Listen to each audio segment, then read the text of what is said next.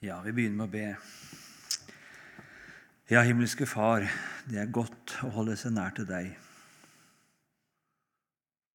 Og la det inn, synke inn i oss. La oss få se det. Godt å leve med deg i syndenes forlatelse, med god samvittighet, med en åpen himmel. Det er godt for dette livet, og det er godt med tanke på død og evighet.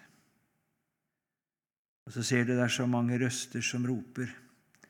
Det er så mange sprukne brønner som bys framfor oss, som ikke har det levende vann, i at vi kunne drikke der hos deg, slukke vår tørst og finne vår hvile.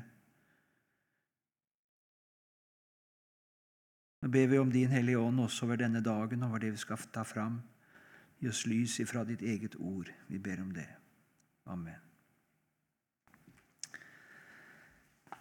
Ja, tro, livskvalitet og helse. Mennesket det er skapt i Guds bilde. Vi er skapt til samfunn med Gud. Og vi er skapt til samfunn med hverandre. Det er det andre ved å være skapt i Guds bilde. Eh, og vi er skapt til å herske over skaperverket. Vi kan si det er tre ting altså, som hører med til å være menneske. Skapt til samfunn med Gud. Det har vi de første tre bud skapt til samfunn med hverandre. Det har vi i de budene som kommer videre. Forhold til foreldre, livet. Også skapt til å herske over skaperverket. Der ligger arbeidet, der ligger hele kulturen. Alt det ligger inne der. Og der er det slik at eh, hvis ikke mennesket lever i samsvar med det det er skapt til, så kommer mennesket til å ta, til å ta skade. Også rent menneskelig vil det ta skade. Et menneske som ikke lever med Gud, vil ta skade. Et menneske som ikke lever etter Guds skaperordninger i samfunnet med de andre, kommer også til å ta skade, også rent menneskelig, psykisk og på andre områder. Og Det mennesket som ikke lever rett heller overfor kulturlivet og for arbeidet og skaperverket, vil også ta skade.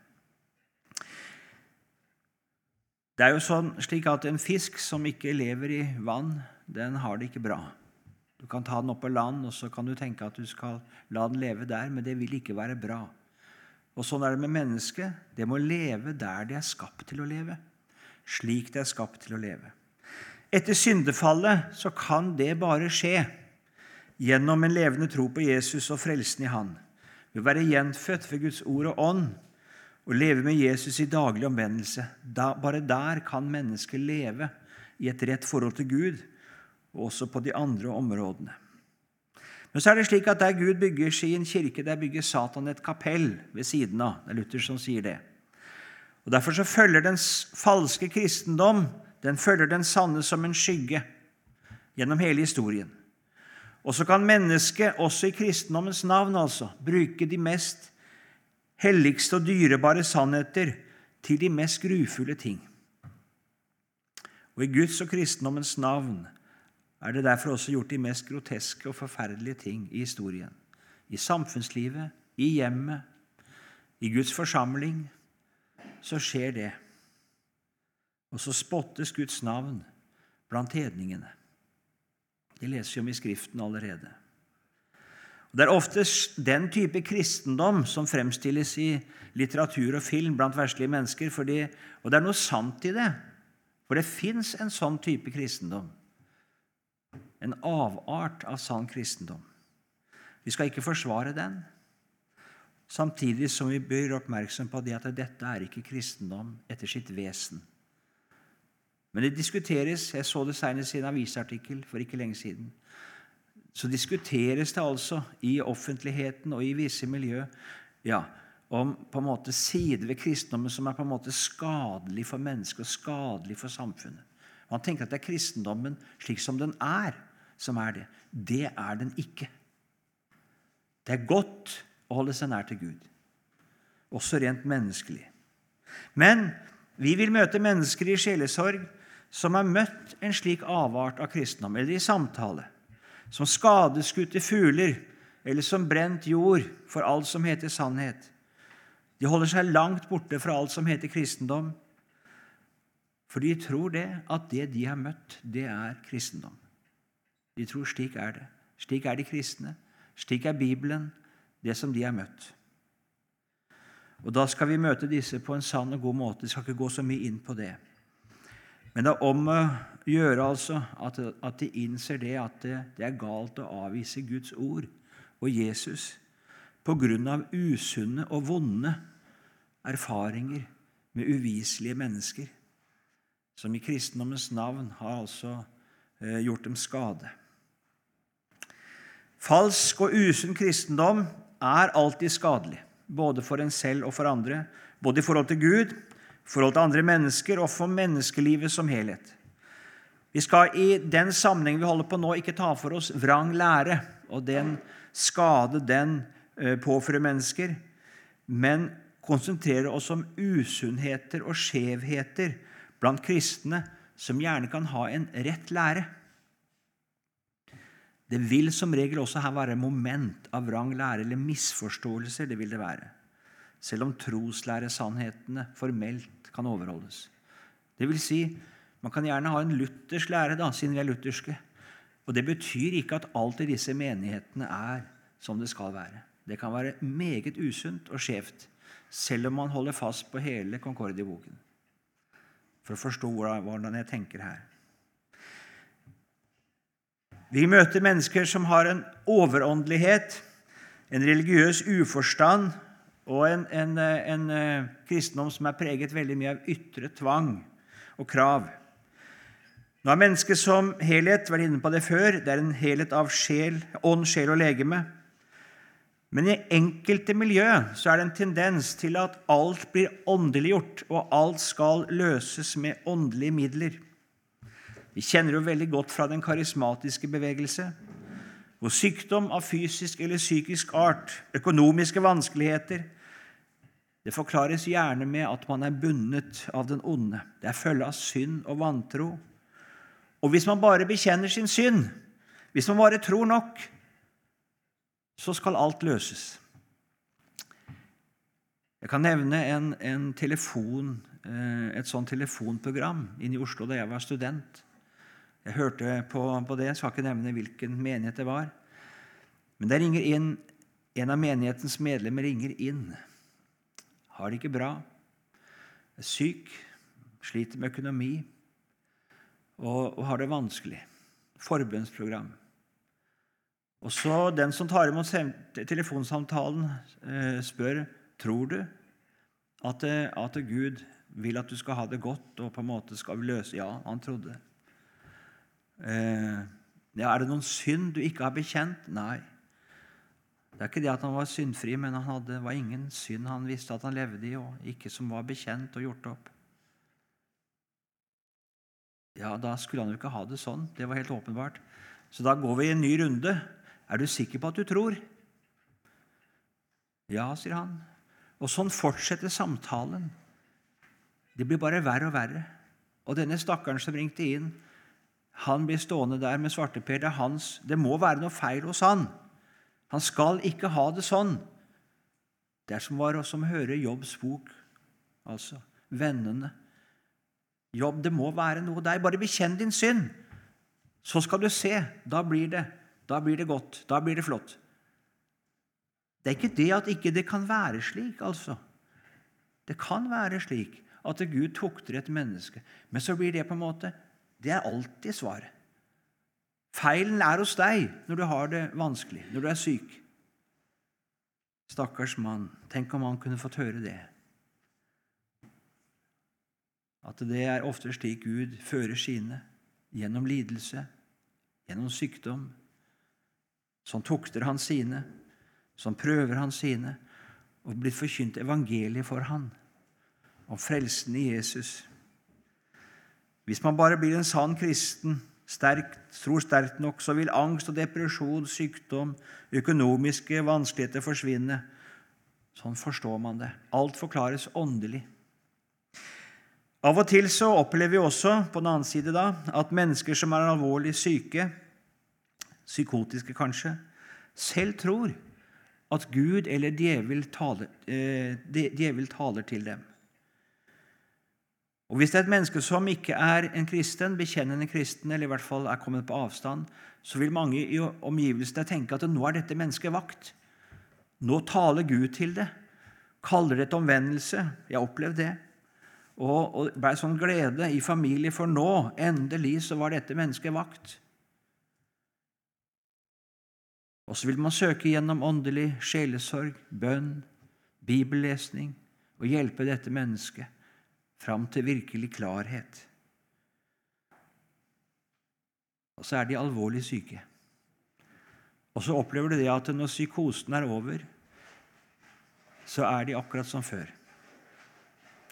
Det som kanskje de hørte, det var ikke Gud eller djevel, selv om de trodde det.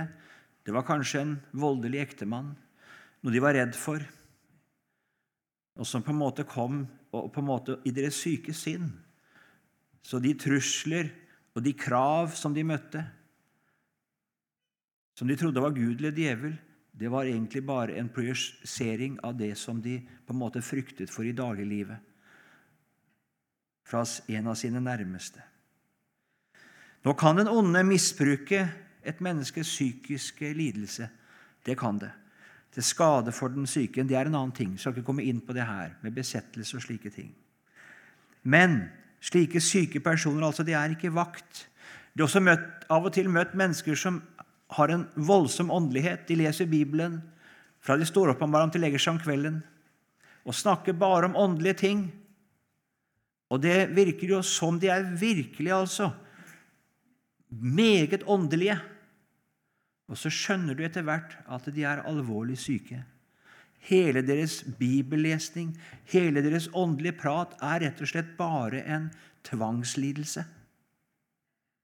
Og det alvorligste er at når de blir friske av tvangslidelsen, så er det ingen åndelighet tilbake. De åpner ikke sin bibel.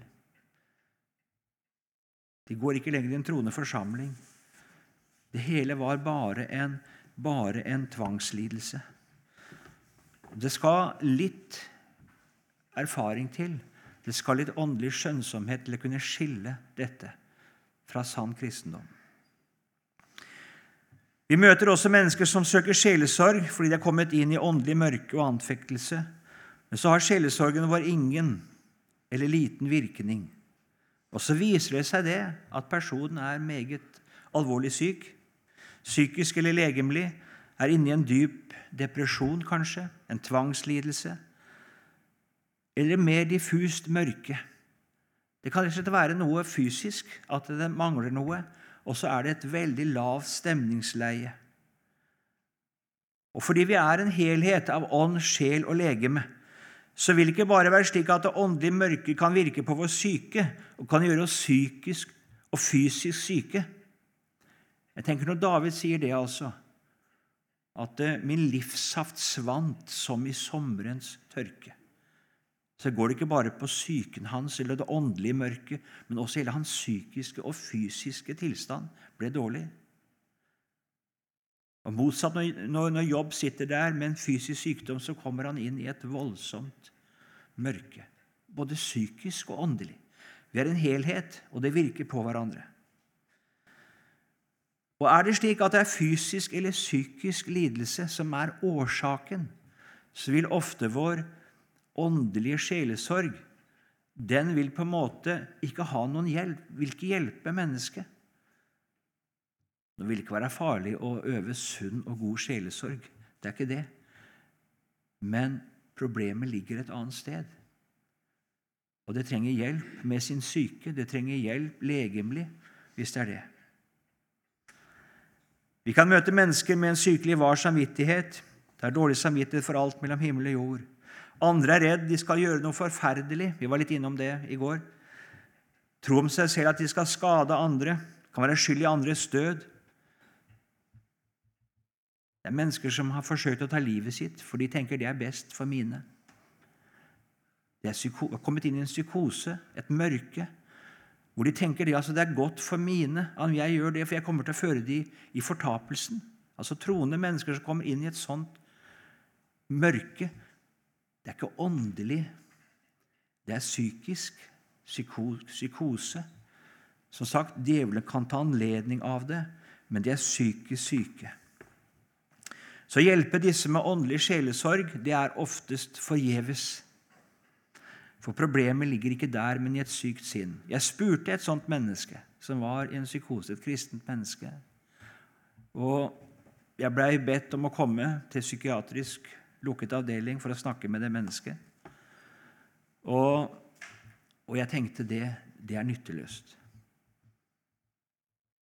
Jeg snakker med det likevel. Siden de på psykiatrisk hadde bedt meg å gjøre det, så gjør jeg det. Og så spør jeg den som var syk, etterpå, når den er helt frisk, hjalp det noen ting? Nei, ingenting. Overhodet ikke. Var ute av stand til å ta imot noen ting. For sinnet var så sykt at det måtte først si, komme opp igjen i en normal tilværelse. Når mennesker kommer til oss med tvangslidelser, en sykt dårlig samvittighet f.eks., og så skal jeg hjelpe dem med den dårlige samvittigheten, så vi nå bekjenner vi synd, og så bøyer vi kne og så ber vi om tilgivelse. Ja, Det vil være naturlig at vi gjør ved første gangs samtale. Det gjør vi. Men så kommer personen igjen, og det er enda mer. Og det, du skjønner etter hvert at dette er ikke helt, dette er ikke helt normalt. Da er ikke løsningen å ta dette opp enda mer alvorlig. Som sagt, det er aldri feil, og det kan aldri bli galt å tale om syndenes forlatelse. Men veien til å bli frelst fra, eller løst fra en sånn psykisk lidelse, det er å ignorere det syke. Ignorere de syke tankene. Og når jeg tar dem på alvor i sjelesorgen og skal hjelpe med dem, så gjør det bare enda verre. Og Sånn er det også med den som sliter med angst, som sliter med depresjon, som kommer med sine mørke tanker og sine syke tanker. Og så tar jeg det på alvor, og så snakker vi alvorlig om det. Og så hjelper jeg det mennesket å grave seg ned. Det er det jeg hjelper dem med. Da skal jeg hjelpe dem til å få tankene på noe annet, ignorere. Og ofte vil sjelesorgen som sagt gjøre vondt verre for jeg tar på alvor noe som egentlig er sykt.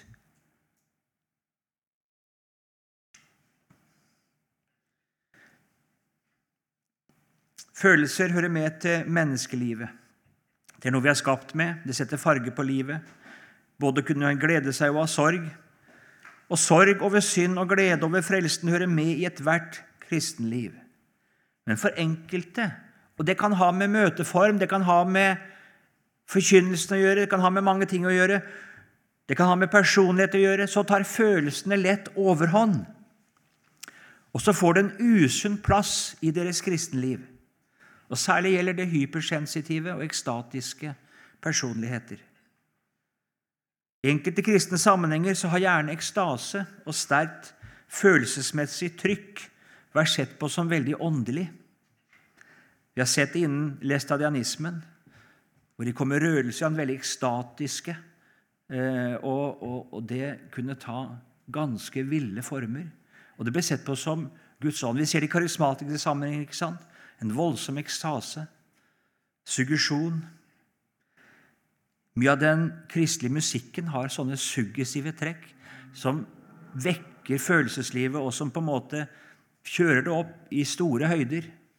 Og så tror man at det er Guds ånd. Man tror at man er berørt av Gud fordi man er så voldsomt følelsesmessig berørt. Ikke er det åndelig, og ikke er det sunt. Og de som tar mest skade av det, er nettopp de hypersensitive personlighetene, de ekstatiske. Bryter sammen, kan de gjøre. Kan bli psykisk syke og totalt miste balansen. Nå kan det skje. lyst til å si det, det kan også skje der det er en sann og sunn vekkelse. Så kan enkelte mennesker altså, under trykket av sin syndenød, under, så kan de altså på en måte få Ja, det kan påvirke deres syke, slik at de opplever syke. Et menneske som lever i uoppgjort synd, og som hører og som blir virkelig berørt av forkynnelsen, kan også virkelig bli dårlig. Tenk på David, altså. Natt og dag lå din hånd tungt på meg. Ja, Det er ikke det vi sier at et menneske ikke skal oppleve, men det er den, det er den suggestive der som er utsatt for et veldig psykisk press. Og Hvis man først har opplevd dette en gang, og opplevd det, særlig den positive, veldig ekstatiske opplevelsen Jeg hadde en gang en som jeg traff. Han uh, gikk i en forsamling hvor det var mye vekt på slike ting, og så på det som åndelig. Og Så traff jeg en sammenheng, og jeg tenker på hvordan er det med deg? Så spurte jeg han åssen det var med han. Nei, akkurat nå er jeg ikke så veldig kristen, sa han. Stussa litt over sjargongen. Ikke så veldig kristen i nå. Ja, hva skal til, da, sa jeg, for at du skal bli ordentlig kristen? Jo, hvis han fikk en gitar og kunne spille en låt, så ville det hjelpe veldig. Han, han hadde altså opplevd under lovsang i denne forsamlingen en veldig altså ekstatisk, oppløftet stemning. Det var det han forbandt med å være kristen. Så kunne han få gitar nå og spille en sånn låt, så ville han på en måte gjenskape den følelsen. Det var det, det, han søkte. Og det gjør man lett. Hvis man først har opplevd dette, så søker man mot mer av det samme. Så Si litt om det. Jeg skal, ikke inn på, jeg skal ikke komme inn på sangen, og ikke så mye da. Men hvis du ser, det er sånn med, det er sånn med mennesker Hvis det først søker noe som, skal, som er surrogat, så blir det blind. Altså, og det må ha mer av det samme. En anorektiker ser seg i speilet ikke sant? og så syns de ikke det er tynn nok. Men det mister på en måte perspektivet. Det er så tynt så det er radmager, men det syns fortsatt at det ikke er tynt nok. Den som skal ha et kick av musikk, altså er ikke det nok? Som jeg hadde enda sterkere neste gang. Og så blir det enda mer, enda mer av det samme. Og så blir det bare mer og mer utrert, slik at den som står utenfor, tenker at dette her er da voldsomt i den ene eller andre retning. Om det er voldsomt med jazzklanger, eh, eh eller om det er mer sånn hardrock, så blir det bare liksom hardere og hardere. For det må til. Hvis jeg skal få den samme opplevelsen, så må det være sterkere neste gang. Sånn er det med all rus. Jeg venner meg til det, og så må jeg ha mer. Og dette er mer rus. Og Du kan altså ha noe som går på en åndelig rus i kristne sammenheng, og søker det. Og da må de høre den predikanten der som har den type historier, eller som Ja, for man søker egentlig ikke Guds ord. Man søker en åndelig opplevelse, følelsesmessig. Det er ikke tvil om at en del som kalles vekkelse, mer er psykologisk henrivelse og ekstatisk føleri til både åndelig og menneskelig skade. Og Der man virkelig jakter altså på det som berører følelseslivet, så kan en føre en fullstendig ut i åndelig svermeri, overtro, ja, satanisk villfarelse. Alt som på en måte beveger, er fra Gud. Alt som på en måte Ja, og det kan lede en inn, rett og slett, i at man blir et offer for onde ånder. Ingen tvil om det. Dere kan lese litt, eller høre litt Øyvind Andersen taler om det i sin sjelesorggjennomgang. Så går han inn litt på det. Vi må hjelpe slike personligheter til å la følelsene få en riktig plass. Advare mot følelsesjag, advare mot ekstatiske. Og vi må ved vår egen forkynnelse og bruk av musikk i møter osv. ikke mennesker steiner for brød. Jeg gjorde en test en gang. Jeg hadde bestemt meg for at jeg aldri skal gjøre det, men så var jeg altfor dårlig forberedt til en sangøvelse i Fosneskoret. Og så tar jeg en sang. Og melodien, han som hadde laga melodien der, han hadde laga mange gode melodier. Men arrangementet var så søtladent. Det var så ekstatisk. Det var ikke den vanlige arrangøren, det var en annen. Og så så jeg teksten. Den var så tynn. Men så tenkte jeg vi hadde begynt å øve på den. Den her den går rett til følelsene. Rett til følelsene. Jeg sa det til koret. Vi skal synge den én gang. Nå på lørdag er det møte med pause. Vi skal synge den sangen. Og jeg skal si dere på forhånd hva som kommer til å skje. Her kommer mennesker til å bli voldsomt følelsesmessig berørt. Den har klanger, den er bygd opp sånn harmonisk. denne her. De kommer til å bli voldsomt følelsesmessig berørt. Teksten er søtladen, den også, men den er ingen grunnleggende frelsessannheter. Det er bare allmennreligiøst pjatt. Men mennesker kommer til å si det at de ble så velsignet, de ble så oppbygget. Og dere må synge den igjen. Og det skjedde. Nei, jeg husker ikke det. Det er en ganske vanlig Ikke noe utrert. Står i sangboka. Eh, melodien var litt annerledes, arrangementet var ganske smektende. Og Det kom flere. Å, De var så oppbygga, de ble så velsigna av den sangen. Vi måtte synge den igjen etter pause. Det gjorde vi ikke. Men jeg hadde fått testet det, som jeg var ganske overbevist om, men jeg gjorde det i praksis. Det vil jeg ikke anbefale. Det var ikke bra. Det er ikke sunt. Man trodde man hadde fått en, opp, en, en åndelig oppbyggelse, men man var bare suggerert. Jeg hadde gitt en steiner for brød.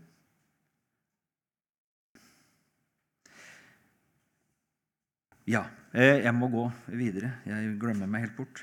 Eh, en kristen skal bøye seg for Guds ord og bud. Det er godt og frigjørende for et menneske.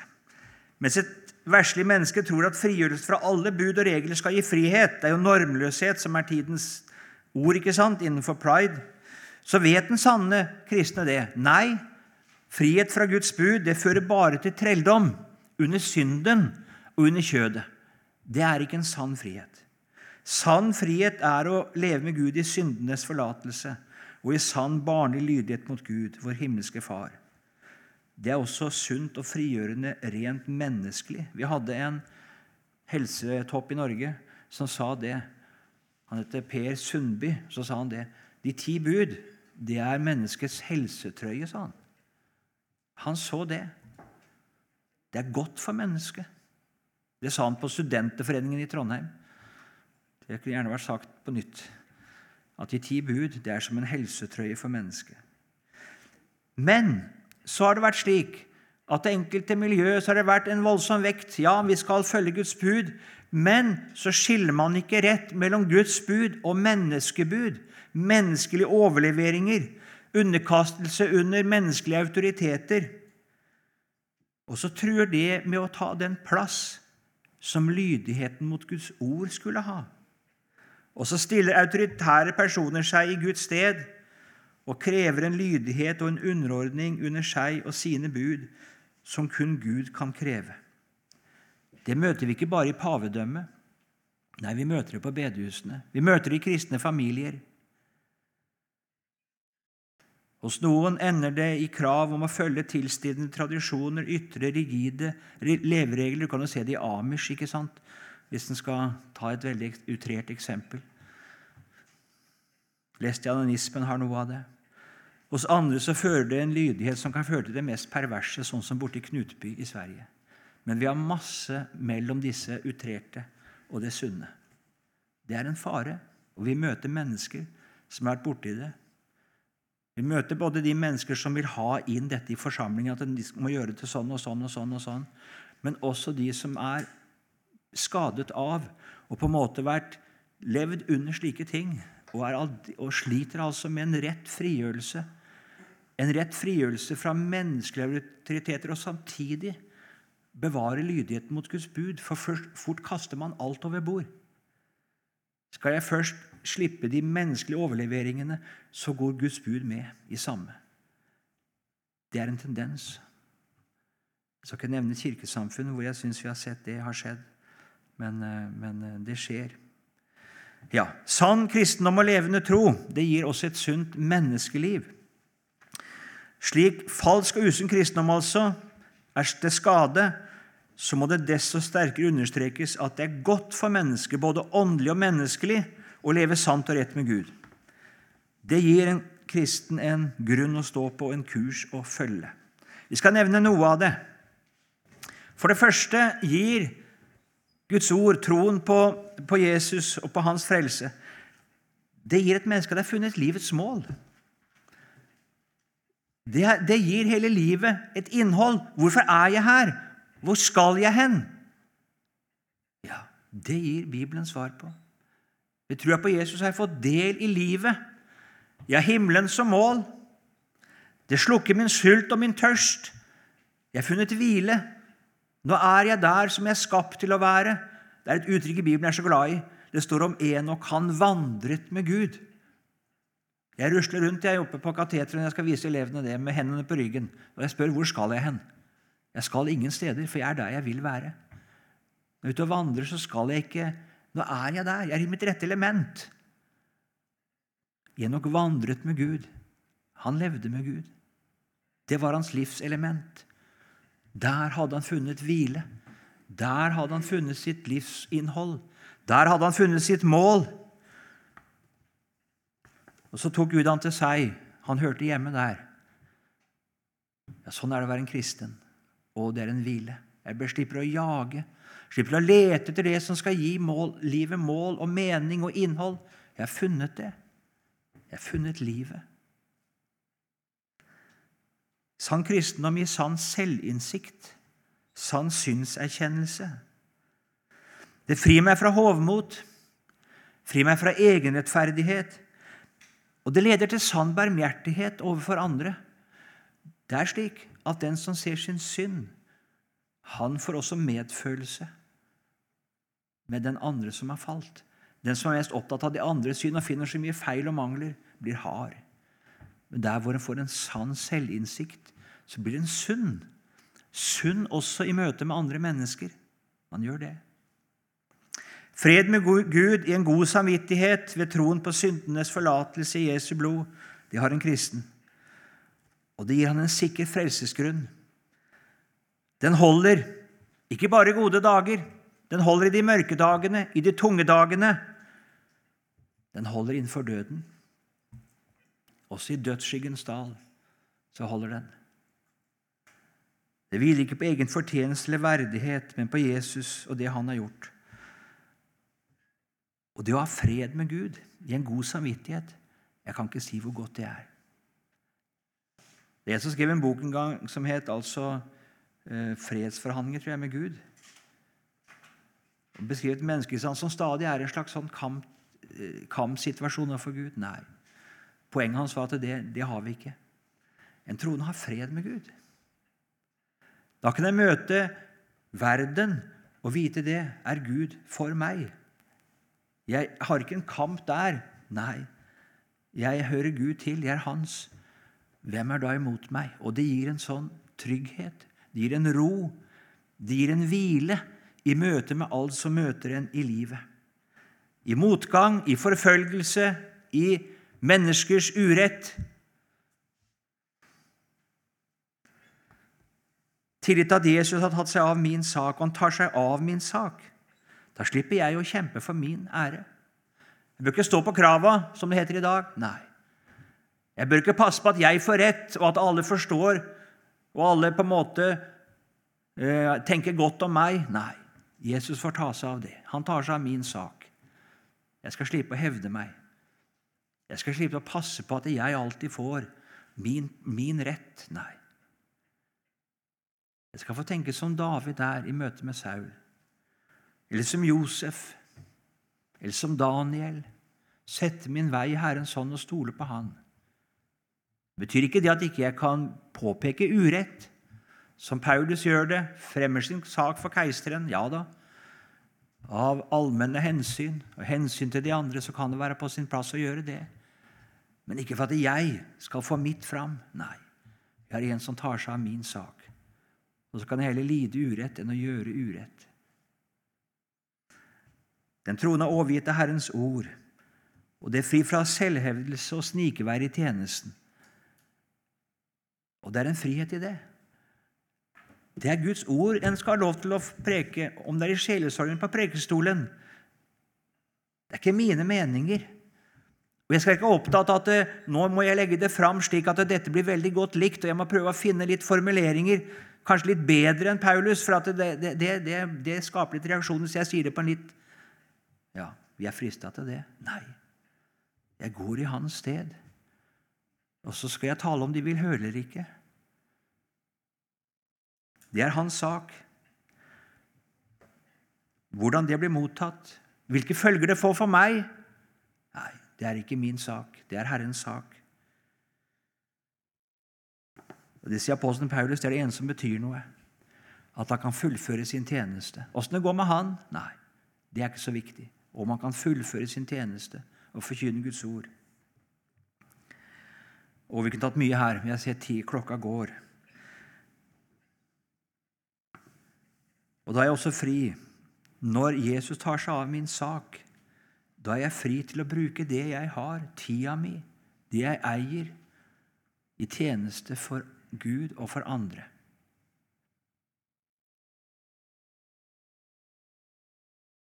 Det er en voldsom Altså, troen Jeg så en, et bilde en gang. Eh, der sto det to trær. ene sto det vantroen, og så sto det alle vantroens onde frukter. Og så sto det troen, og av den springer alle kristenlivets gode frukter. Kjærlighet, glede, fred, langmodighet, mildhet, godhet, trofasthet, saktmodighet. Det er godt for mennesket. Da lever du der du er skapt til å leve, og det vil bli en velsignelse for andre. Så må vi ta med det før vi gir oss. At det sett fra et verslig synspunkt så vil det ses aldeles ufornuftig ut mange ganger. Det En vil anse som en som ikke forstår hva som virkelig er fornuftig, hva som tjener ens eget beste. Og man vil få råd som går i en helt annen retning. Slå opp i Apostels hjerne, kapittel 26. Apostelen Paulus han skal fullføre sin tjeneste. Men det kommer til og med noen da, altså det er i en troende flokk, vel å merke. Og så sier de det er galskap, Paulus, det du er i ferd med å gjøre nå. Ja, her er, det, her er det Festus som sier det. Du er fra forstanden, Paulus. Da går det på det læremessige. Men vi møter seinere altså i Paulus sitt liv, så går han til Jerusalem. Og det møter han trengsel. Og det er noen som har fått se det. Og du må ikke finne på å gjøre det. Jo, sier Paulus. Nå forstår jeg det. Det venter meg trengsel og vanskeligheter. Men den veien vil jeg gå. I vår tid så vil den troende ikke anses som god men som ond. Som en som undergraver og gjør livet vanskelig både for seg selv og andre. Og det skal gå et lit, sier Jesus, at mennesker skal se det slik at de gjør Gud en tjeneste når de rydder kristne av veien. Det skal bli sånn at de ser på den troende som ond, rett og slett. Sånn har det vært, og sånn vil det være. Tenk på hvordan Jeremia ble sett på hver en som gjorde opprør, en som undergravde staten Israel i, sin tid, eller Juda kasta i en brønn. Han var en som på en måte Han var ikke en skikkelig patriot, som ble han sett på.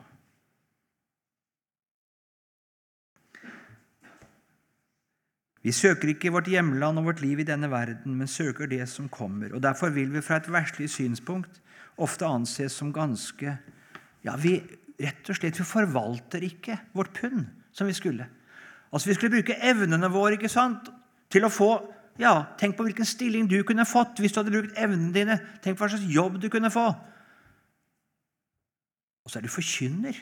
Nei, nei, nei. Altså, hva tjener du noe der, da? Ja, jeg har fått sånne spørsmål.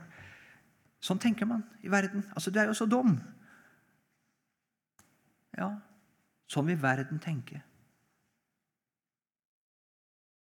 Et dennesidig perspektiv lyst til å si det, et denne, dennesidig perspektiv kan aldri være nok argument for kristendommens fortreffelighet. Vi var de mest dåraktige av alle mennesker, sier apostelen Paulus. Hvis ikke det er slik at Jesus har stått opp igjen, og vi skal stå opp med han. For livet med Jesus i denne verden fører med seg lidelse, vanskeligheter, forfølgelse. Og hadde vi bare satt vårt håp til han for dette liv, Ja, du må ha himmelen med i perspektivet. Du er nødt til det. Og likevel til å si det. Jeg må slutte her, jeg rekker ikke å si mer. Men jeg har lyst til å si det her likevel. Det er godt også rent menneskelig. Det er godt også for hverdagens liv å være en kristen. For midt i vanskelighetene, midt i motgang, midt i hån, midt i spott, midt i forfølgelse, så kan ingenting på en måte ta fra en kristen det at en kan leve der med fred med Gud i en god samvittighet. I et godt og sant, rett forhold til Gud og andre. Jeg vil aldri bytte det bort.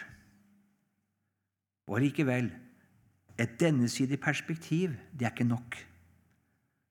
Sett fra et verslig synspunkt så vil en kristen ofte anses for en dåre. En som virkelig misbruker sine muligheter, og som ødelegger sitt liv. Det skal du regne med. Ja. Vi rekker ikke mer. Vi får stanse der.